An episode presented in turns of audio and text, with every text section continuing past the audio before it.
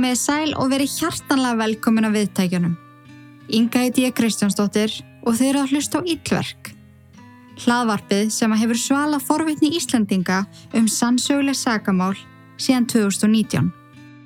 Þessi þáttur er í bóði heimaskipulag.is, Sixt langtímalegu og K18 á Íslandi og kemur til með að segja ykkur betur frá þessum frábæru fyrirtækjum þegar að líður á þáttinn. Ég vil svo endilega fá að benda ykkur á Íllverk áskriftarleðina. Fimm glænýr þættir í hverju mánuði, aðgangur að yfir 250 aukaþáttum og þessir fríu án auglýsinga. Það sem er líka frekast niðugt er að áskrifendur fá alltaf strax aðganga þætti í heilsinni, til dæmis eins og í þessum þætti sem að koma út í tveim hlutum. En við skulum ekkert tefja þetta. Hendum okkur að stað í mál dagsins. Má Lucy Letby, The Killer Nurse, setni hluti. Gjöru þið svo vel.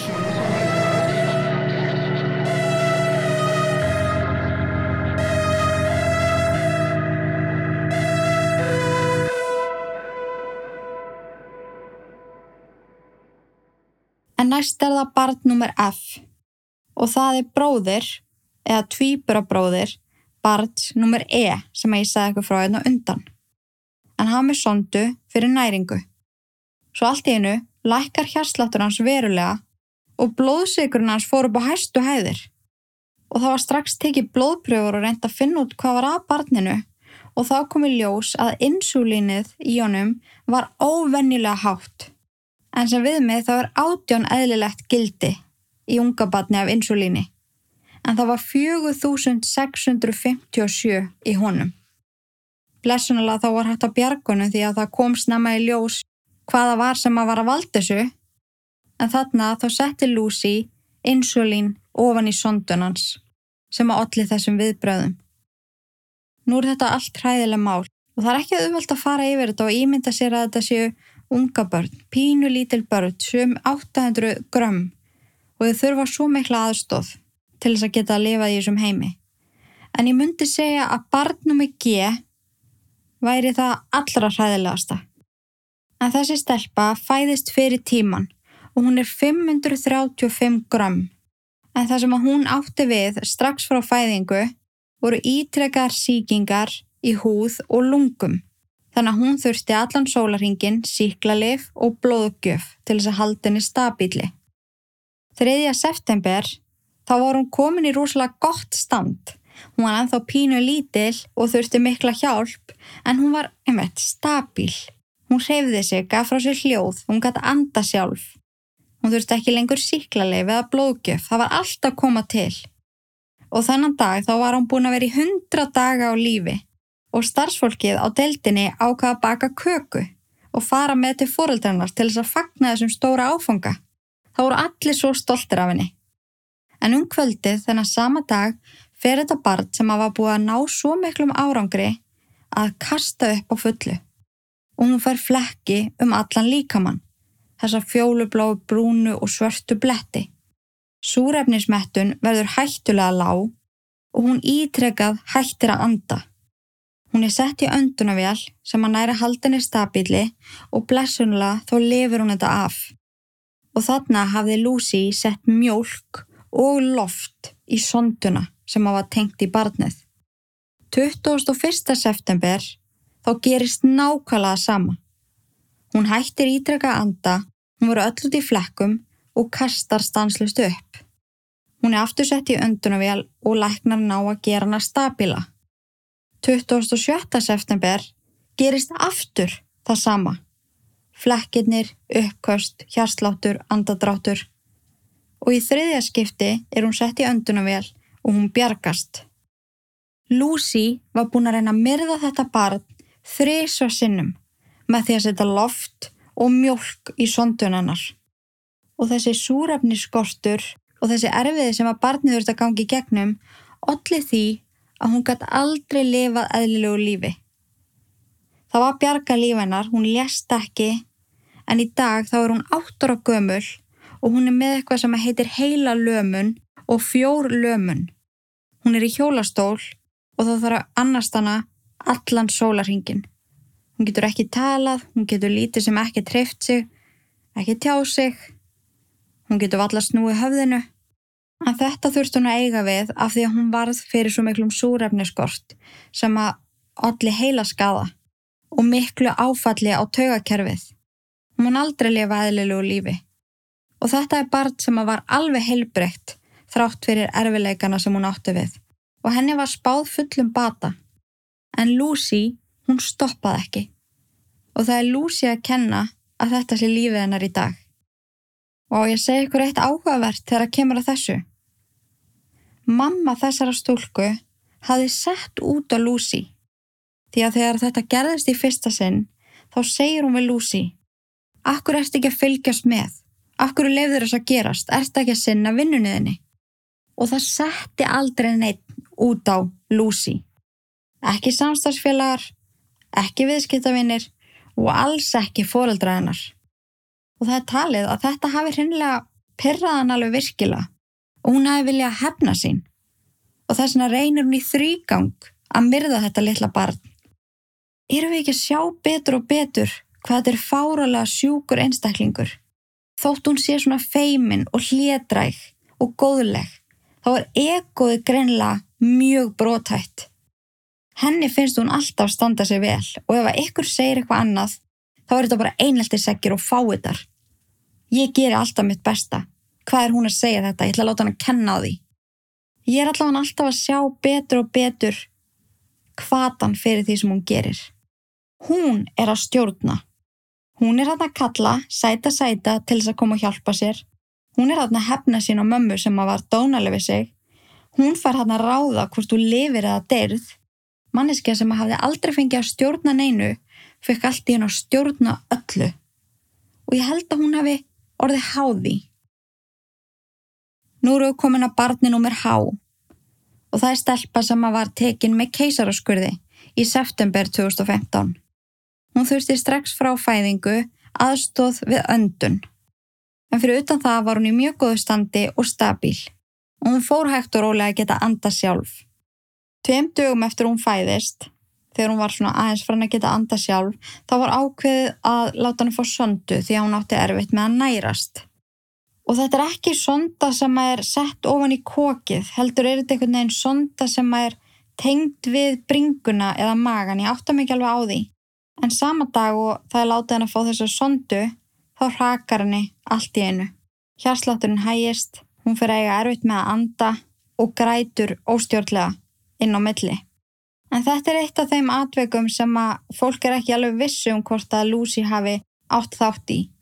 Hún var vissulega ávakt og var að sjá um barnið en það er talið að mögulega hafi sondan ollið þessu því að hún hafi áhrif á lungnavef stúlkunar en það hefur alltaf leikið grunnar á því að Lucy hafi gert henn eitthvað. En hitt kemur til greina sem útskýring. En blessunarlega er að bjarga barninu og mánuðu síðar útskrifast hún. Barn nummer E, lítil stelpa, sem að fæðist í ágúst 2015 og strax við fæðingu á hún við öndunar örðuleika. En fyrir utan það er alltaf læg með hana.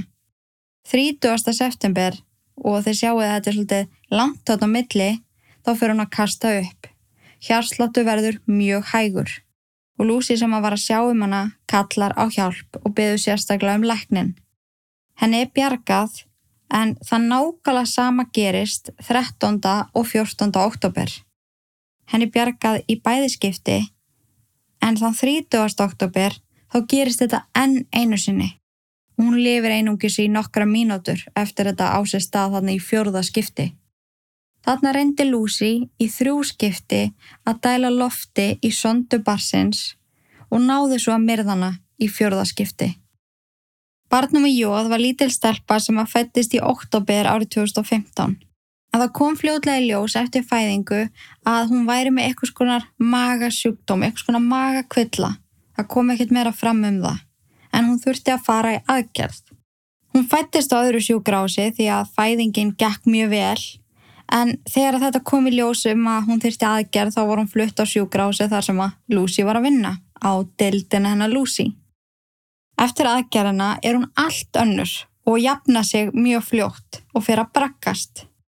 Snemma morguns 27. oktober þegar hún var í umsjá Lucy þá fær hún tvö flogaköst innan 30 mínútna og þurfti í kjölfarið að fara í öndunavél. Og það er áhugavert að við frekari skoðun á barninu þá var greinlega yngur dælt í hana, ekki lofti, insulíni eða neinu svoleiðis. Þetta leitist að frekar út eins og hún hafi verið kæfð. Og það var aldrei hægt að sanna það að Lucy hafi kæft barnið. Í fyrsta lagi því að þetta var ekki beint taktík sem að Lucy notaði og það gatt líka verið að hún hafi kapnað á teppinu sem að var ofan á henni eða eitthvað slíkt. En það hefur alltaf leikið grunnar á því að Lucy hafi kæft barnið. Því að við verðum að muna það að þótt að hún hafi yfirlegt nota það að setja loft í æðarnar eða insulín, þá stakk hún líka þarna einu svona tóli ofan í háls á barni. Og hún átti alveg eftir að nota aðrar aðferðir, svo það gæti alveg verið að hún hafi hreinlega kæft þetta litla barn, því að hún var að sjá um það þegar þetta gerðist. Blessunlega þá lifði þetta litla barn af og var útskrifið af sjúkrásinu þrejum mánuðum síðar. Sama á við með barnum með ká. Það var ekki að sanna þetta en þetta var mjög grunnsalegt. En svo ég takja líka fram á þessum tíma í februar árið 2016 þá var verið að fylgjast með Lucy. Þarna var læknirinn sem að sagði til hennar búin að tala einu sinu við stjórnina. Þeir tók ekki mikið marka á honum en hann helt áfram að fylgjast með og sömulegis voru aðrir hjúgrunafræðingar farnir að taka eftir skrítnum aðtökum og farnir að tengja döðsvöllin við vaktinnar hennar Lucy.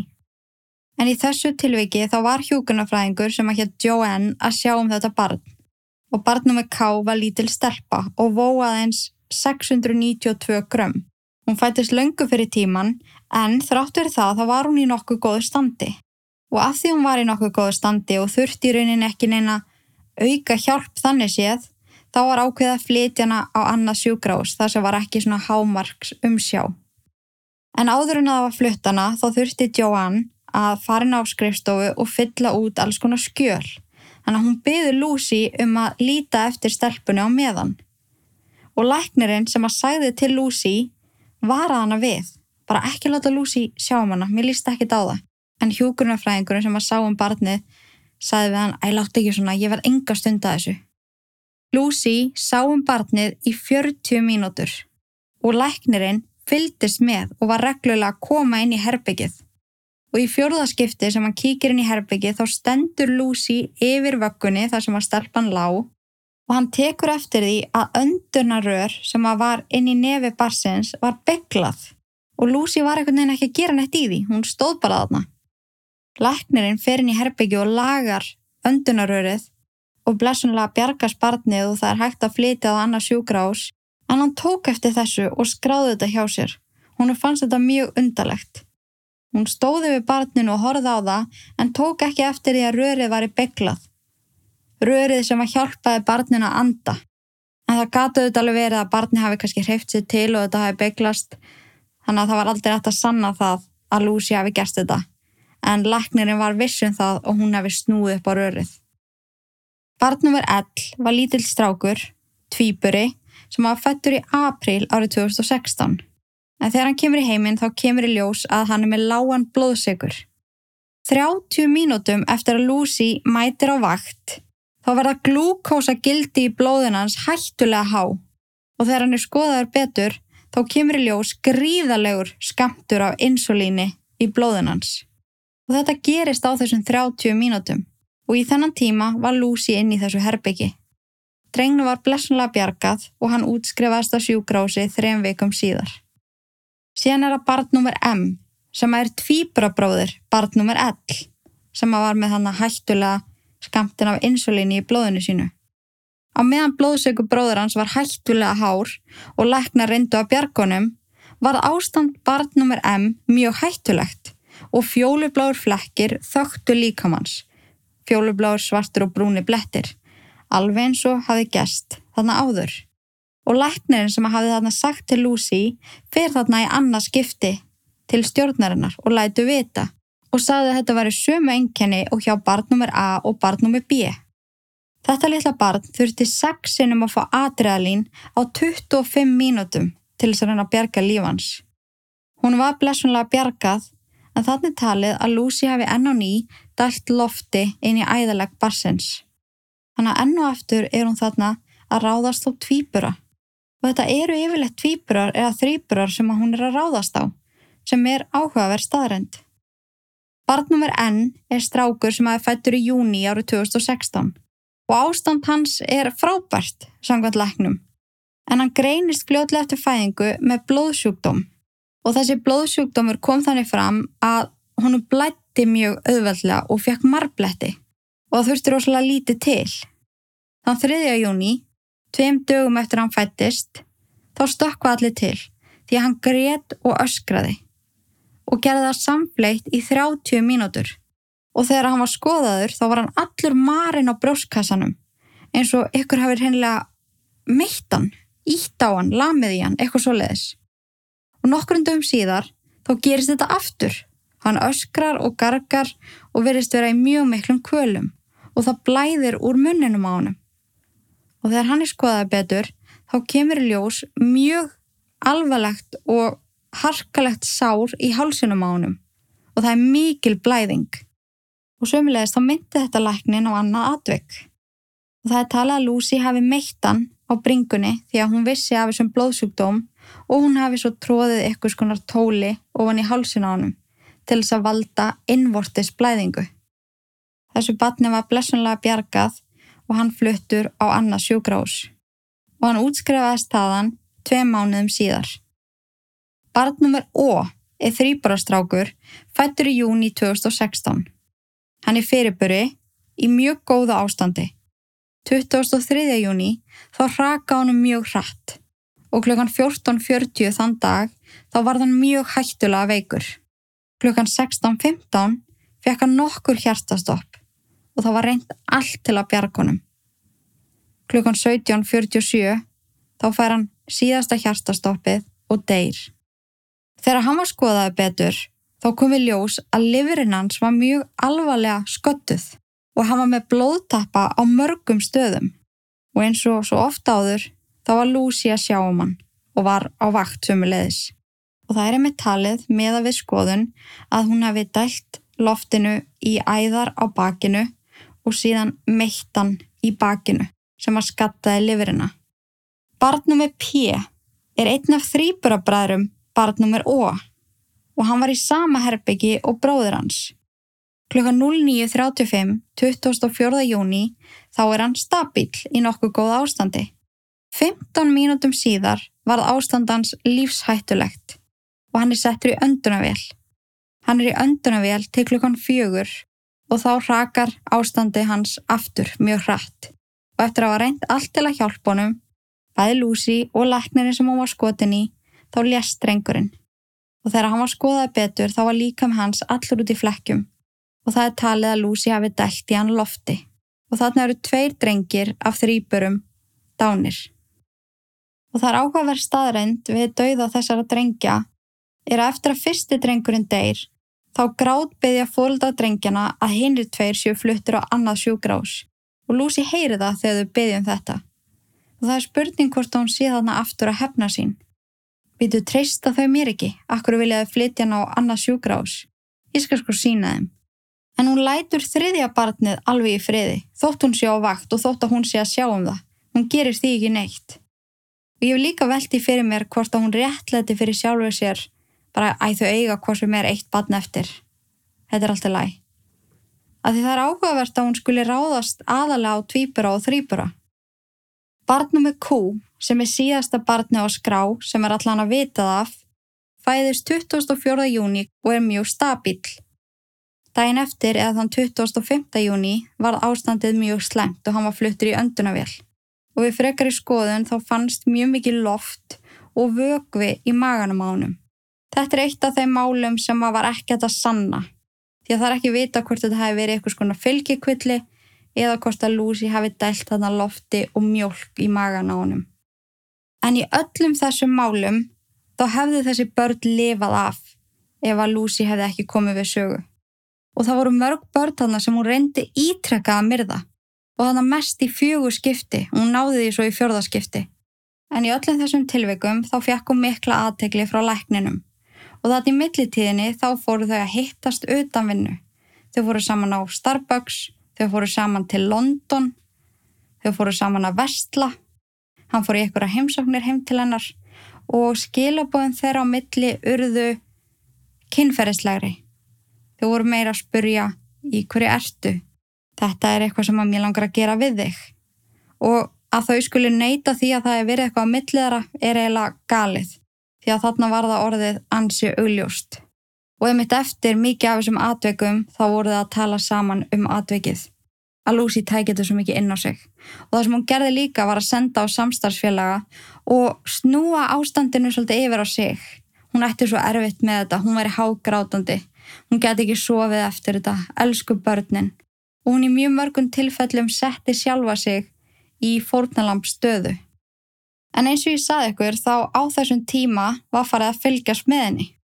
Það var ekki tekið alvarlega fyrst þegar að læknirinn hafi samband við stjórnina en þessu var tekið alvarlegra allavega í annarskipti og það var fylgst sérstaklega með henni. Og þannig í júni árið 2016 þá er þetta orðin bara rosalega alvarlegt og fólk er orðið virkilega hrætt. Það er greinlega eitthvað vafarsamt að gerast og það tengist alltaf lúsi. En það er ekki haft samband við lauruglu, það er ekki farið með þetta neitt lengra en það er tekið hana af nætuvöktunum og sett hana á dagvaktir. Og þið tóku kannski eftir að það var eitthvað af börnum sem að létust um daginn. Og það er út af því að þegar að Lucy var færð á nætuvöktunum og yfir á dagvaktinnar þá hættu döðsföllin á nóttunni og færðust yfir á daginn. Döðsföllin eldu Lucy sem að sæði allt sem að segja þurfti. Og þótt að þetta hefði verið komið hann í ljós árið 2016 þá er ekkert þannig sé gert í þessu. Heldur er hún tekin af dagvöktunum og flutti í skrifstofustarf og það er sömulegis rætt við hana af stjórninni og það er sagt við hana að það sé búið að fylgjast með starfsfólk hafi tekið eftir því að döðsföll fylgja henni og hennar vöktum. Þetta sé ekkert personlegt, þeim finnist hún frábær hjúkunafræðingur en til þess að afsanna það sem að fólk er að segja þá ætliðu að setja hana í skrifstofustarf til þess að fylgjast betur með þessu. Og Lucy skrifar þarna mjög mikið í dagbókina sína hún sé gjörsalega meðu sín. Og hún er sjálfsögðu hleypu benti fóldri sína og klagar eins og hún gerði svo ótal ofta áður. Og það sem er mjög áhugavert og segir líka helling um fóldrennar og sambandi þeirra við hana er að pappinar heimtar fund með stjórninni og hann tekur Lucy með sér á fundin og hann lætur alla sem að setja við borðið heyra það.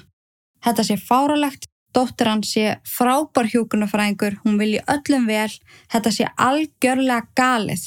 Og hann krefst þess að stjórnin og starfsfólk sjúkrásins skrifi afsökunabref til dóttur hans og að hún sé sett aftur á vaktirna sínar því að hún lifi fyrir það að vera hjúkunarfræðingur, hún lifi fyrir það að hjálpa börnum og pappinar fór á fleiri fundi með henni þar sem að hann hótaði öllu ítlu, til dæmis lagsóknum. Og Lucy sæði aldrei neitt á þessum fundum, hún starði bara niður í borðið á meðan pappinar fróðufælti yfir þetta fólk. Og það sem að Lucy er að skrifa í dagbókinu sína á þessum tíma er að, er að allir séu á mótenni, þetta séu einelti segir, það séu allir að hópast gegn henni, þetta séu ósangjant. Hún er ótrúlega góður hjúkunafræðingur. Akkur sér fólk það ekki? Akkur eru það að reyna íten í burtu? Þannig að hún setur sér í 100% fórnalamp stöðu. Og ótrúlegt en satt, ég er ekki eins og smá að íkja, þá er skrifað afsökunabref til hennar og henni hlifta aftur inn á sjúkrásið. Og þetta er þannig í lók 2016. En döðsföllin halda þó áfram. Það hafði ekkert gest á meðan hún var í skrifstofustarfinu en um leið hún snýr aftur þá halda börn áfram að deyja. Og það er þá sem maður haft samband við lauruglu. Og þótt að þetta sé að komi ljós þannig að 2016 og þetta sé orðið frekar skýrst, þá er hún ekki handtekinn fyrir árið 2018. Og það er til bodycam-vídeó af því þegar laurugla fer og handtekur hana. Þetta er gerst nefnum morgun og hún er heima á sér þegar hún er handtekinn og pappina reynir inn í húsinu því að hann hafi gist hjá henni þessa nótt.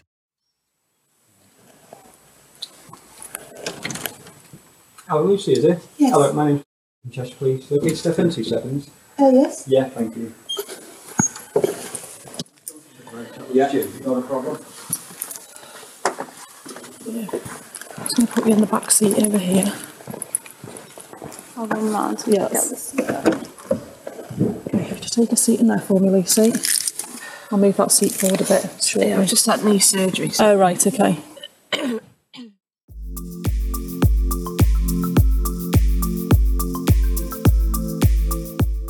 Ég hef svo oft fengið spurningar úti í reynslu mína af því að vera á langtíma leigubíl.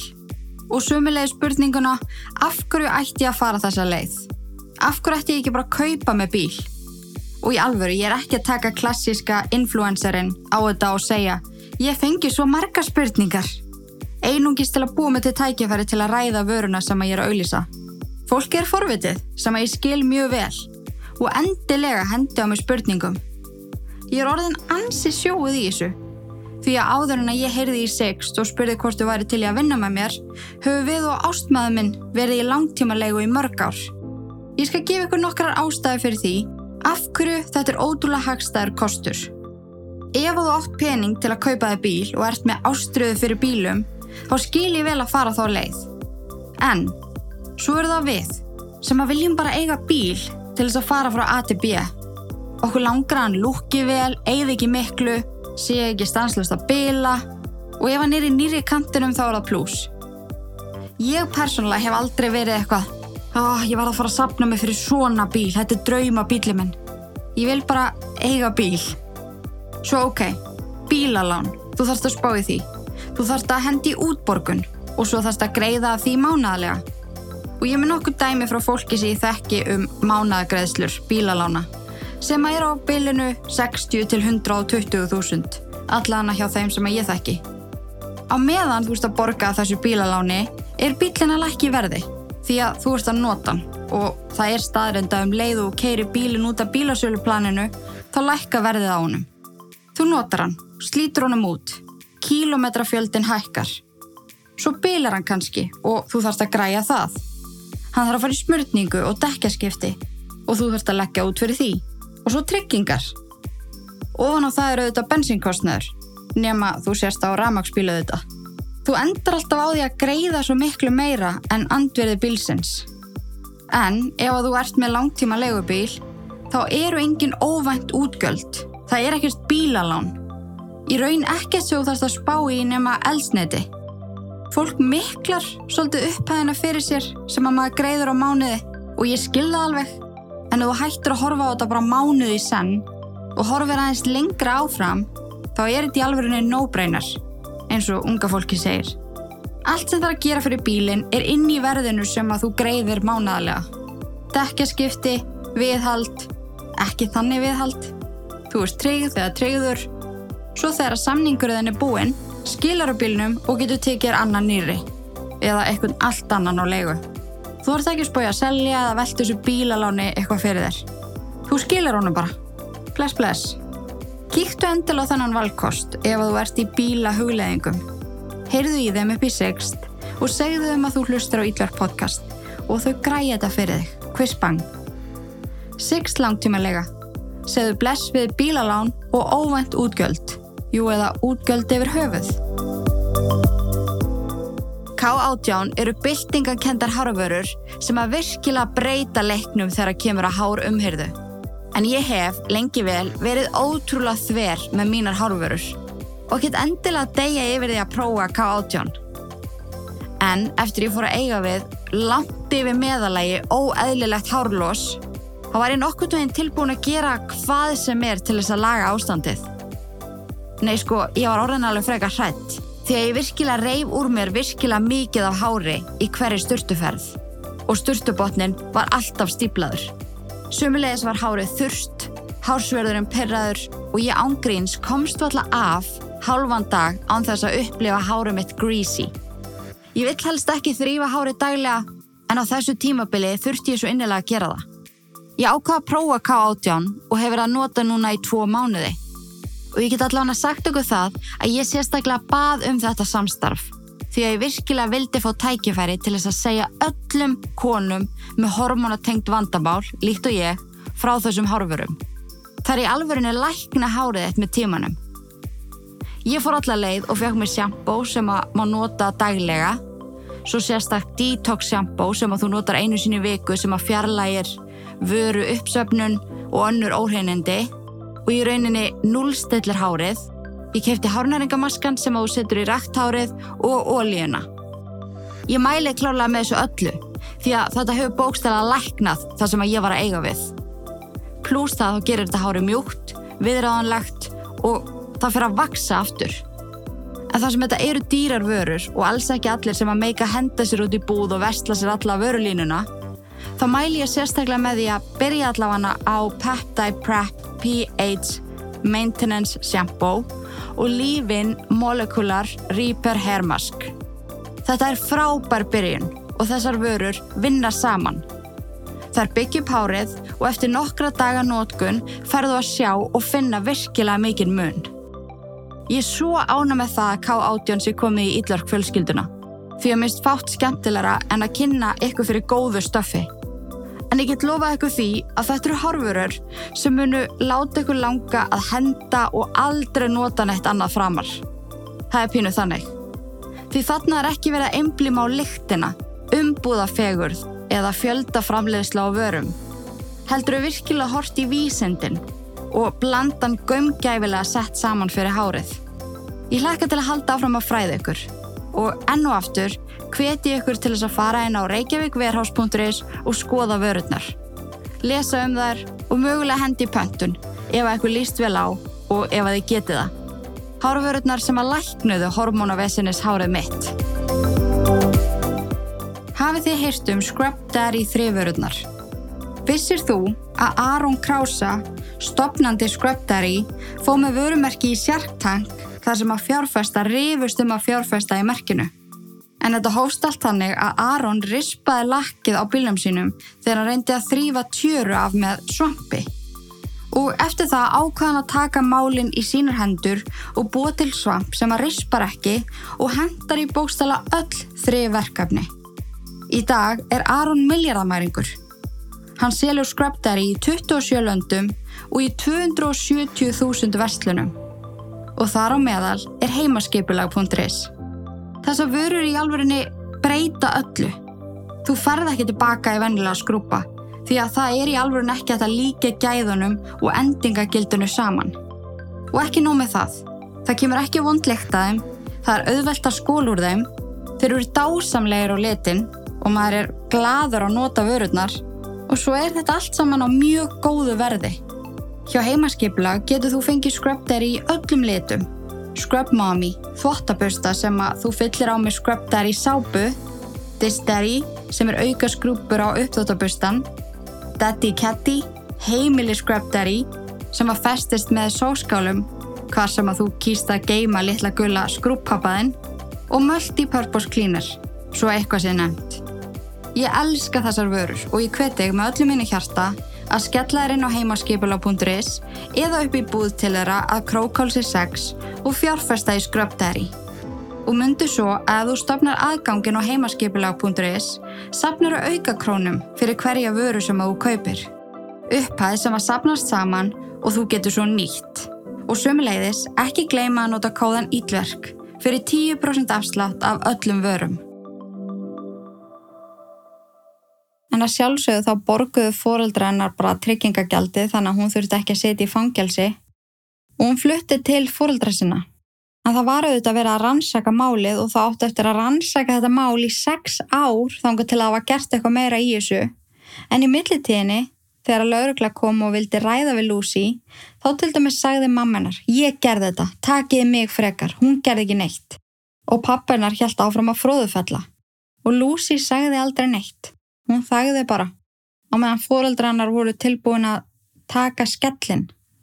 En það fannst þeim Lucy aldrei gera neitt vittlust. Lucy var litla prinsessan þeirra sem að þurfti aldrei að taka neinum afleðingum því að hún gerði ekki neitt vittlust. En það sem er svo áhugavert líka er að á þessum tíma er tala við hellinga vinkonum Lucy og eins og ég segi þá er þessi rannsókn í fullum gangi í sex ár og það er mjög mikið að vinum hennar sem segja bara nepp, ég er ekki ára að trúi svo ekki fyrir hún viðkennur þetta. Lucy var svona eins og Mary Poppins, hún var alltaf með tösku fulla af hlutum til þess að einmitt bara verketöflum, túrtöpum, plástrum Hún var alltaf til taks, hún var alltaf til í að hjálpa þér, hún var alltaf með allt á sér.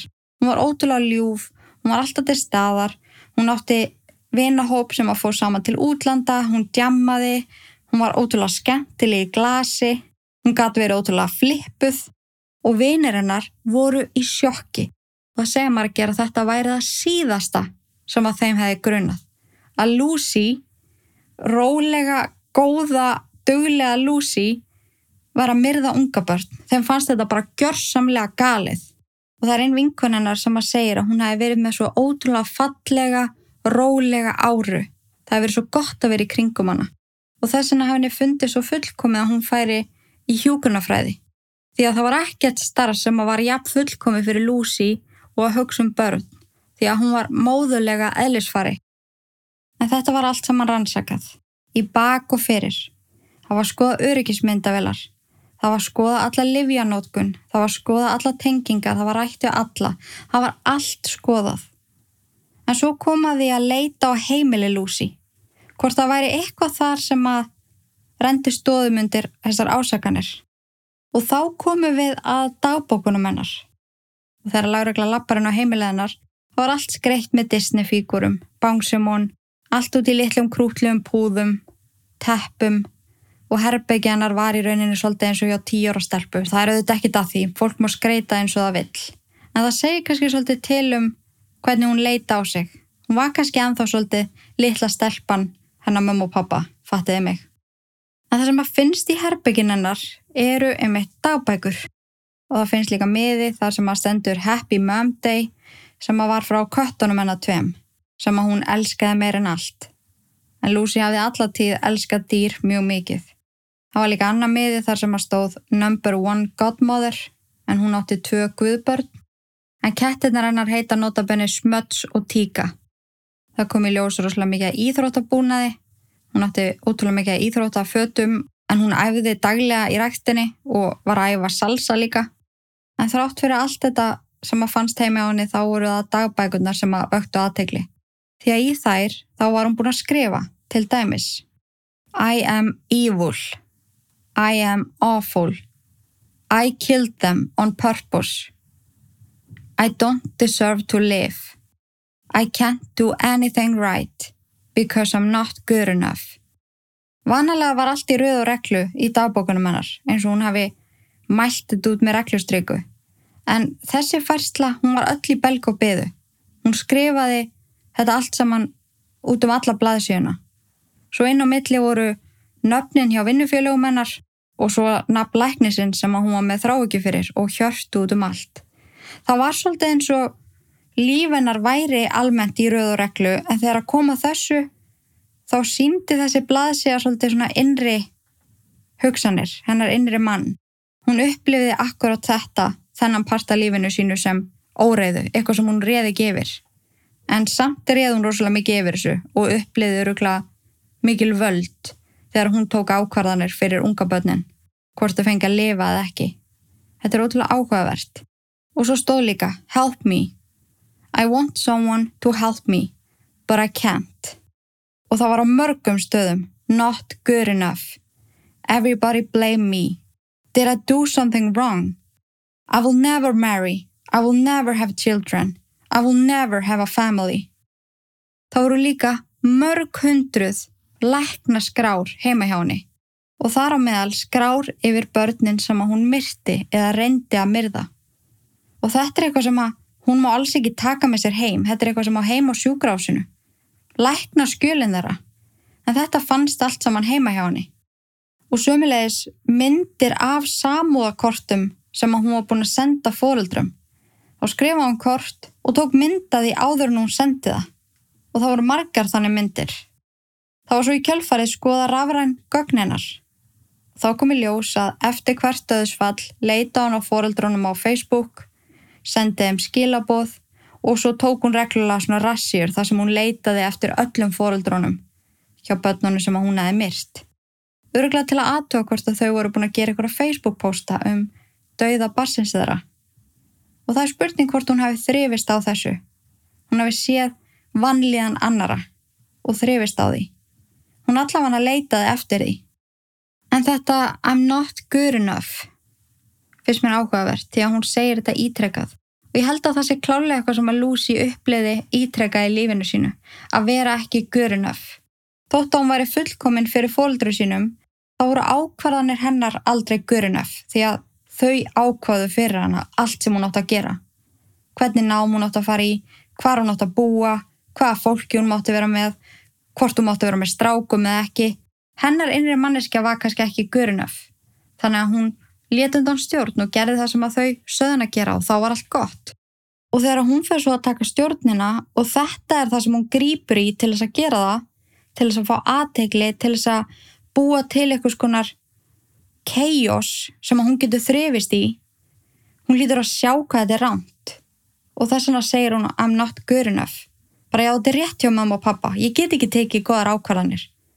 Ef ég hefði bara hlusta á þau þá hefði þetta ekki gerst. Fattiði mig, ég tólka þetta svolítið þannig. Og þetta, I will never marry, I will never have a family, I will never have children. Akkur ætla hún hafi skrifað þetta? Akkur ætla hún hafi verið svona viss um þetta?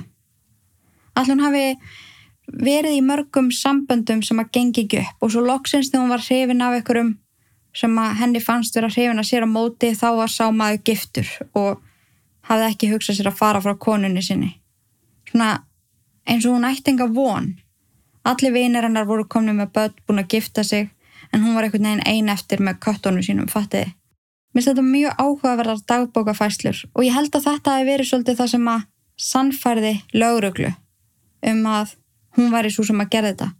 Þetta væri rauninni hjáttning og þá sérstaklega þegar hún segir I killed them on purpose because I'm not good enough. Hún hefur alltaf neita fyrir þetta Hún segir þetta snúist um það að þegar hún var í rauninni rekin eða sett í skrifstofustarf og mist þarna drauma starfi sitt, þá hafa hún orðið þunglind og þess vegna hafa hún skrifað þetta allt. En að skrifa I killed them on purpose, akkur ættir að skrifa það og verið þunglind yfir því að missa vinnuna. I don't deserve to live, I am evil. Ég held að þetta segja allt sem að segja þarf. En það er samt áhugavert líka hún skuli skrifa þetta og það eru margi sem hafa veldi fyrir sér hvort hún hafi skrifað þetta í rauninni viljandi. Hún, veist, hún hafi skrifað þetta vitandi til þess að þetta er þið eitthvað til mann lesið. Því að hún bæti svo við help me, I want someone to help me, but they can't. Hún setur sér upp sem ótrúlega mikið fórnalamp. Hún játar og máli sér sem fórnalamp. Svona eins og að sé eitthvað að henni. Mögulega því að hún veit alveg að það sem hún gerði er ránt Hún veit alveg að ykkur tíman mun hún súpa segði að því og mögulega getur hún þá skilt sér bak við það setna meira að hún hafi verið að eiga við eitthvað skonar andlega örðuleika að stríða. Eða hún skrifa þetta bara til að losa um samvinskupitt, maður veit það ekki, en það er áhugaðast að velta þessu fyrir sér. Hún er svo formlega handtekinn árið 2020 og síðan þá hefur hún verið í fangelsi. En í þessi sex ár sem að þetta mál var rannsakað þá fór hún ítrekkað í viðtöl upp á lauruglustuð þar sem að það var reynd að fá eitthvað upp úr henni.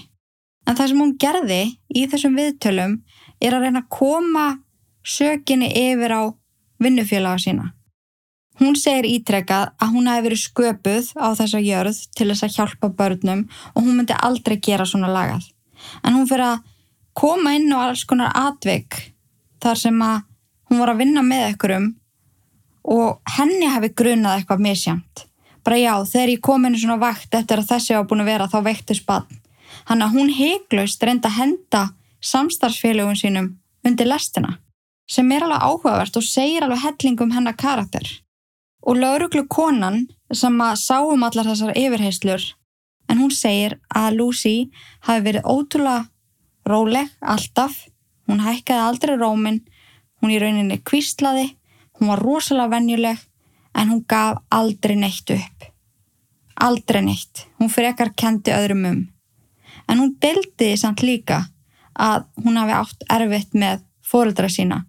Henni hafi liðið eins og þau réðu öllu og ef hún var ekki með þeim öllum stundum fekk hún samvisku bytt. Henni leiði eins og hún var í slæm dóttir sem að gefur okkur alveg smá insýn inn í hvernig henni líður með fóröldra sína. Og þau notabenni byðu alltaf fram á gangi á meðan hún var í yfirherslu.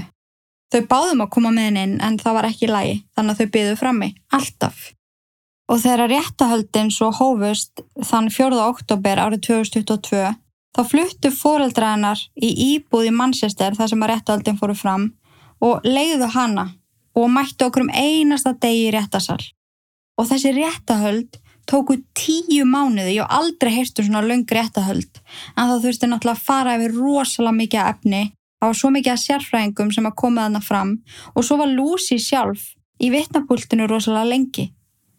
Og lauruglukonan sem að hafa þarna eitt mest um tíma með henni í þessi sex ár, hún segir að Lucy hafi verið nákvæmlega eins í vitnapultinu og hún var í yfirheyslum hún gaf ekkert af sér kvíslaði nánast og virkaði bara sultuslög Og það sem að kemur fram í þessum réttahöldum er náttúrulega mjög hræðilegt. Það er verið að lýsa það í smáadröfum hvað var gert við hvert badd fyrir sig og það voru síndar krupningamindir af þessum börnum. Og Lucy, hún breytti ekki um svip. Hún fór ekki að gráta, hún síndi enga tilfinningar. Ekki þegar það var að tala um börnin, ekki þegar að foreldrarnir fóru upp í vittnapúltið. Í einu skiptin sem að hún síndi ykkur tilfinningar var þegar að læknirinn sem hún var skotin í vittnaði gegn henni. Þá fór hún að hágráta, hún stóð upp og bað vinselast um að fá að fara. Var náttúrulega að skipa henni að setjast aftur og ríkið, eða lögfræðingur ríkisins, segi við hana hvað getur ekki hort framann í hann að því að þú stór hrifin á hann og hann er að vittna gegn þér. Þú gerðir þetta allt til að fá hans aðtegli að það ekki. Og hún segir, this is not fair. Og hún getur ekki hort framann í hann og hún kúri sig ofan í teppið sem hún hjælt á öllu réttahöldin. Og svo sínd hún tilfinningar og fór að gráta þegar það var sínt myndir af heimilin hennar og af köttunum hennar. En annars var hún algjörlega tilfinningarlaus. Það sem að gerði fólk virkilega reitt að það gat verið eitthvað reyðara var að þegar það átti svo að hveð upp dóminn þá vildi Lucy ekki mæta. Þannig að hún gat ekki einu sinni gefið fóreldrónu það. Fóreldránum sem voru búin að missa börni sína því að hún misti þau eða fóreldrar sem áttu börn sem hún reyndi að myrða eða fóreldrar sem áttu börn sem áttu við æfi langa erfileika út af því að hún reyndi að myrða þau. Hún gæti ekki gefa þeim það allan að fá að horfa á hana meðan hún var dæmt. Taka afleðingunum. Lucy mætti ekki og fóreldrar hennar mættu ekki til að sína henni stuðning. Þannig á lokadegi réttahaldana þá þurfti dómari að lesa upp dóminn þótt að Lucy væri ekki aðna og sagði svo lögfræðingum hennar að afhendinni yfirlýsingun hans skriflega. En þetta segir dómarinn um Lucy Letby. The defendant, Lucy Letby, has refused to attend court for this sentence hearing. Accordingly, I have to sentence her in her absence. Over a period of almost 13 months between June 2015 and June 2016, when in your mid 20s and employed as a neonatal nurse in the Countess of Chester Hospital in Chester with specialist training in intensive care, you murdered seven babies and attempted to murder six others. You are now to be sentenced for your crimes.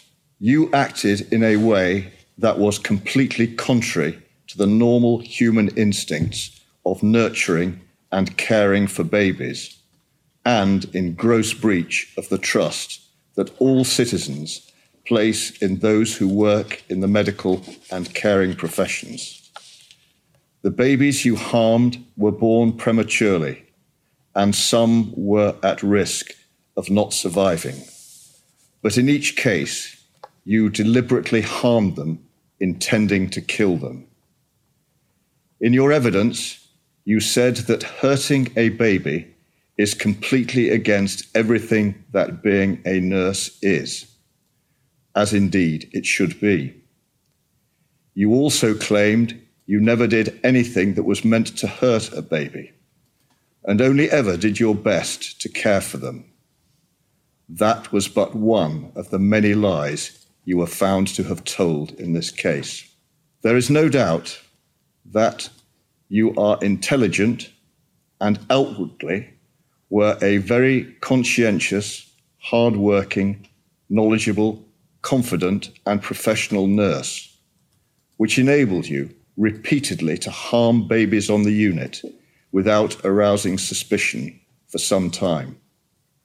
You prided yourself in your competence. Your fellow neonatal nurses spoke very highly of you, and several of them became your close friends. Having started as, a Band 5 nurse at the Countess of Chester in 2012, you became a mentor to student nurses, and in the spring of 2015, gained the qualification that enabled you to care for the sickest babies on the units on the unit or those requiring the most intensive care. You relished being in the intensive care nursery. Your messages to colleagues revealed an interest in babies that were on or were coming to the unit who had uncommon medical conditions. The methods you employed to carry out your murderous intent were only revealed by the later detailed investigation into the events of and surrounding the collapses and deaths of the babies, which commenced in 2018. There was premeditation, calculation, and cunning in your actions. You specifically targeted twins and latterly triplets. Some babies were healthy Others had medical issues of which you were aware. The great majority of your victims suffered acute pain as a result of what you did to them. They all fought for survival. Some, sadly, struggled in vain and died. You used a number of different ways to try to kill them, thereby misleading clinicians into believing the collapses had or might have had a natural cause or were a consequence of a developing medical condition. You took opportunities to harm babies when staff were in breaks or away from babies. As the number of unexpected and unexplained collapses and deaths escalated, senior doctors started to think the unthinkable and consider the possibility that someone was, in fact, deliberately harming the babies and you were identified as the common factor. You had a detached enthusiasm for the resuscitations and what followed. You endeavoured to impress colleagues and clinicians and sought reassurance from them as to your competence and skills, and would message others to the effect that no one was at fault. On occasions, you cruelly and callously made inappropriate remarks to some of the grieving parents at the time of or in the immediate aftermath of a death. When the homes of both you and your parents were searched, confidential documents relating to babies, including handover and resuscitation sheets and notes and blood gas readings, were found. And there were entries in a diary recording relevant events.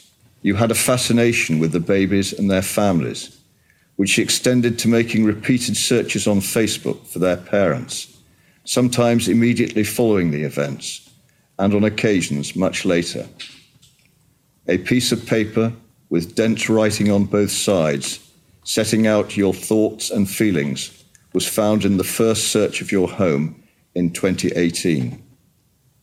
Amongst the phrases you wrote were, I am evil I did this. The impact of your crimes has been immense. The lives of newborn or relatively newborn babies were ended almost as soon as they began, and lifelong harm has been caused.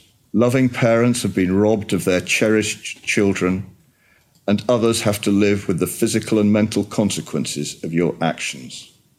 Siblings have been deprived of brothers and sisters. You have caused deep psychological trauma brought enduring grief and feelings of guilt, caused strains in relationships, and disruption to the lives of all the families of all your victims. For the offence of murder, the sentence is fixed by law and is imprisonment for life.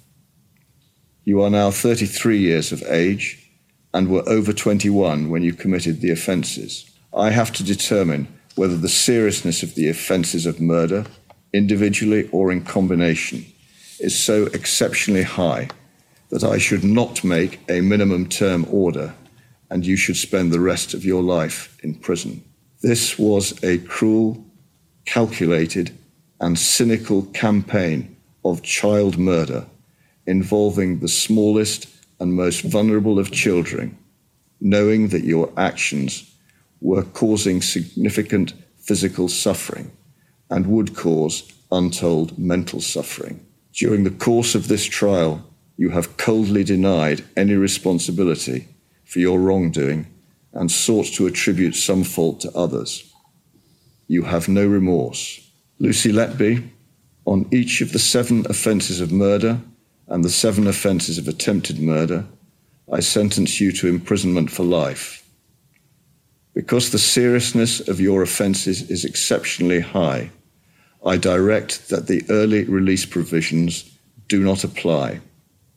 The order of the court, therefore, is a whole life order on each and every offence, and you will spend the rest of your life in prison. Núna í ágúst árið 2023 var Lucy Letby dæmt fyrir að myrða sjö unga börn og reyna að myrða sjö önnur.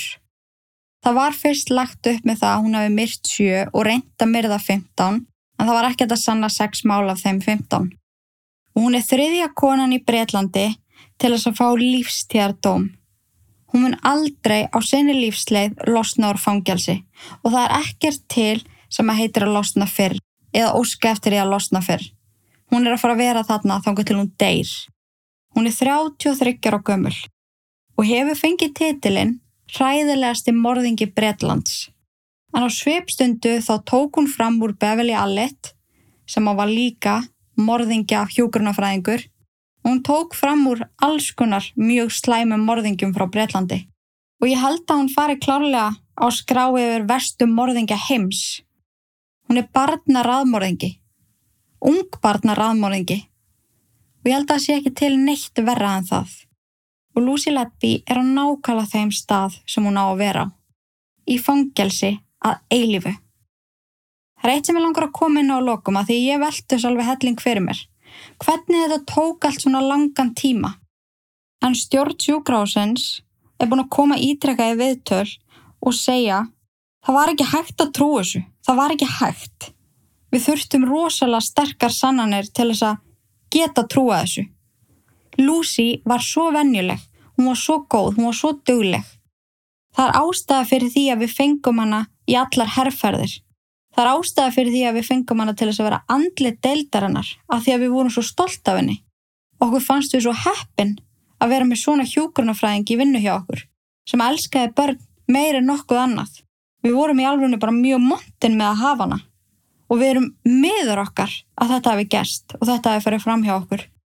En ástæðan sé í alvörunni bara mannlegt eðli og þú trúir á það besta í fólki og þá sérstaklega fólki sem hefur sannaði mörg ára það sé dásamlegt. Og það er í alvörunni bara ástæðan fyrir því að þetta tók svona langan tíma. Því að Lucy skildi sér baku það að vera venjulegasta manniski heims. Ég skil reyndar ekki að það hef ekki verið hlusta á lækninan í fyrsta sinn að maður hefur svo sem alveg heyrt að sjúkra og séu stundum svona svolítið klíkuskapur og það sé falið sér bak við alls konar því að, því að þau vilja ekki að laurugla skipti sér af eða þetta komist í fjölmiðla. Maður hefur alveg heyrt um það og mér finnst gali að það ekki verið hlusta á hann en ég skil samt upp á vissu marki að hafa verið bara nei, nei, nei, nei, það hlýtur að vera ykkur önnur ástæða. Ef þið hugsu um fólki í eitthvað lífi, kannski bara uppáhalds fólki eitthvað sem er dásamlegt. Svo ef ég til dæmis hugsa bara um bestu vinkunum mína og svo myndi ég fá frettir um að hún væri búin að vera að myrða, húst, maður getur ekki trúa þessu og alveg eins og vinir hann að segja enn í dag, ég er ekki að fara að trúa þessu fyrir hún viðkennar þetta sjálf. Ég bara ekki geta ekki trúa þessu, þetta er ekki Lucy, hún myndi aldrei gera svona. En ég get lofa þeim því að Lucy er aldrei að fara að segjast að hafa gert þetta. Ég held að hún muni alltaf skýla sér baku það að vera fórnalamp, ég held að hún muni alltaf skýla sér baku það að einhver annar hafi gert þetta og staðrindin er svo að narsisistar geta ekki viðkent á sig sög. Það er alltaf ykkur annar. Þau eru fórnulömpin í öllu og fólk sem að sér það ekki að það sé verið að hafa rand mál um þau og sjá ekki hvað þau eru frábær, það fólk eru bara fáiðar og þannig mun hún alltaf líta á þetta. Hún mun alltaf vera prinsessa mömmu sinur og pappa sem að gerir ekkert ránt. En þetta var mitt teik á Lucy Letby. Ég vona að ykkur hafi fundist áhugavert að ég kannski kröfði þetta svolítið langt að ég varð að finna eitthvað, ég varð að skilja þetta betur. Ég gati einhvern veginn ekki bara sagt ykkur frá þessu og bara já, Lucy snappaði. Það hlaut að vera eitthvað meira. Ég held einmitt að það hefur verið aðtegli, stjórnleysi og það að hún hafi orðið háð þessu ástandi. Hún var háð því að drottna yfir aðstæðum og drottna yfir lífi fólks. Geta kallaði læknin þegar henni listi. En það væri ótrúlega áhugavert að heyra hvað ykkur finnst. Finnst ykkur þetta ótrúlega langsótt sér að segja? Er þið sammála ykkur af þessu? Er eitthvað sem ég talaði ekki um sem ykkur finnst? Ég væri svo til ég að ræða þetta við ykkur. Við getum gert það annarkvort á Instagram eða inn á lokuðu Facebook-grúpunni.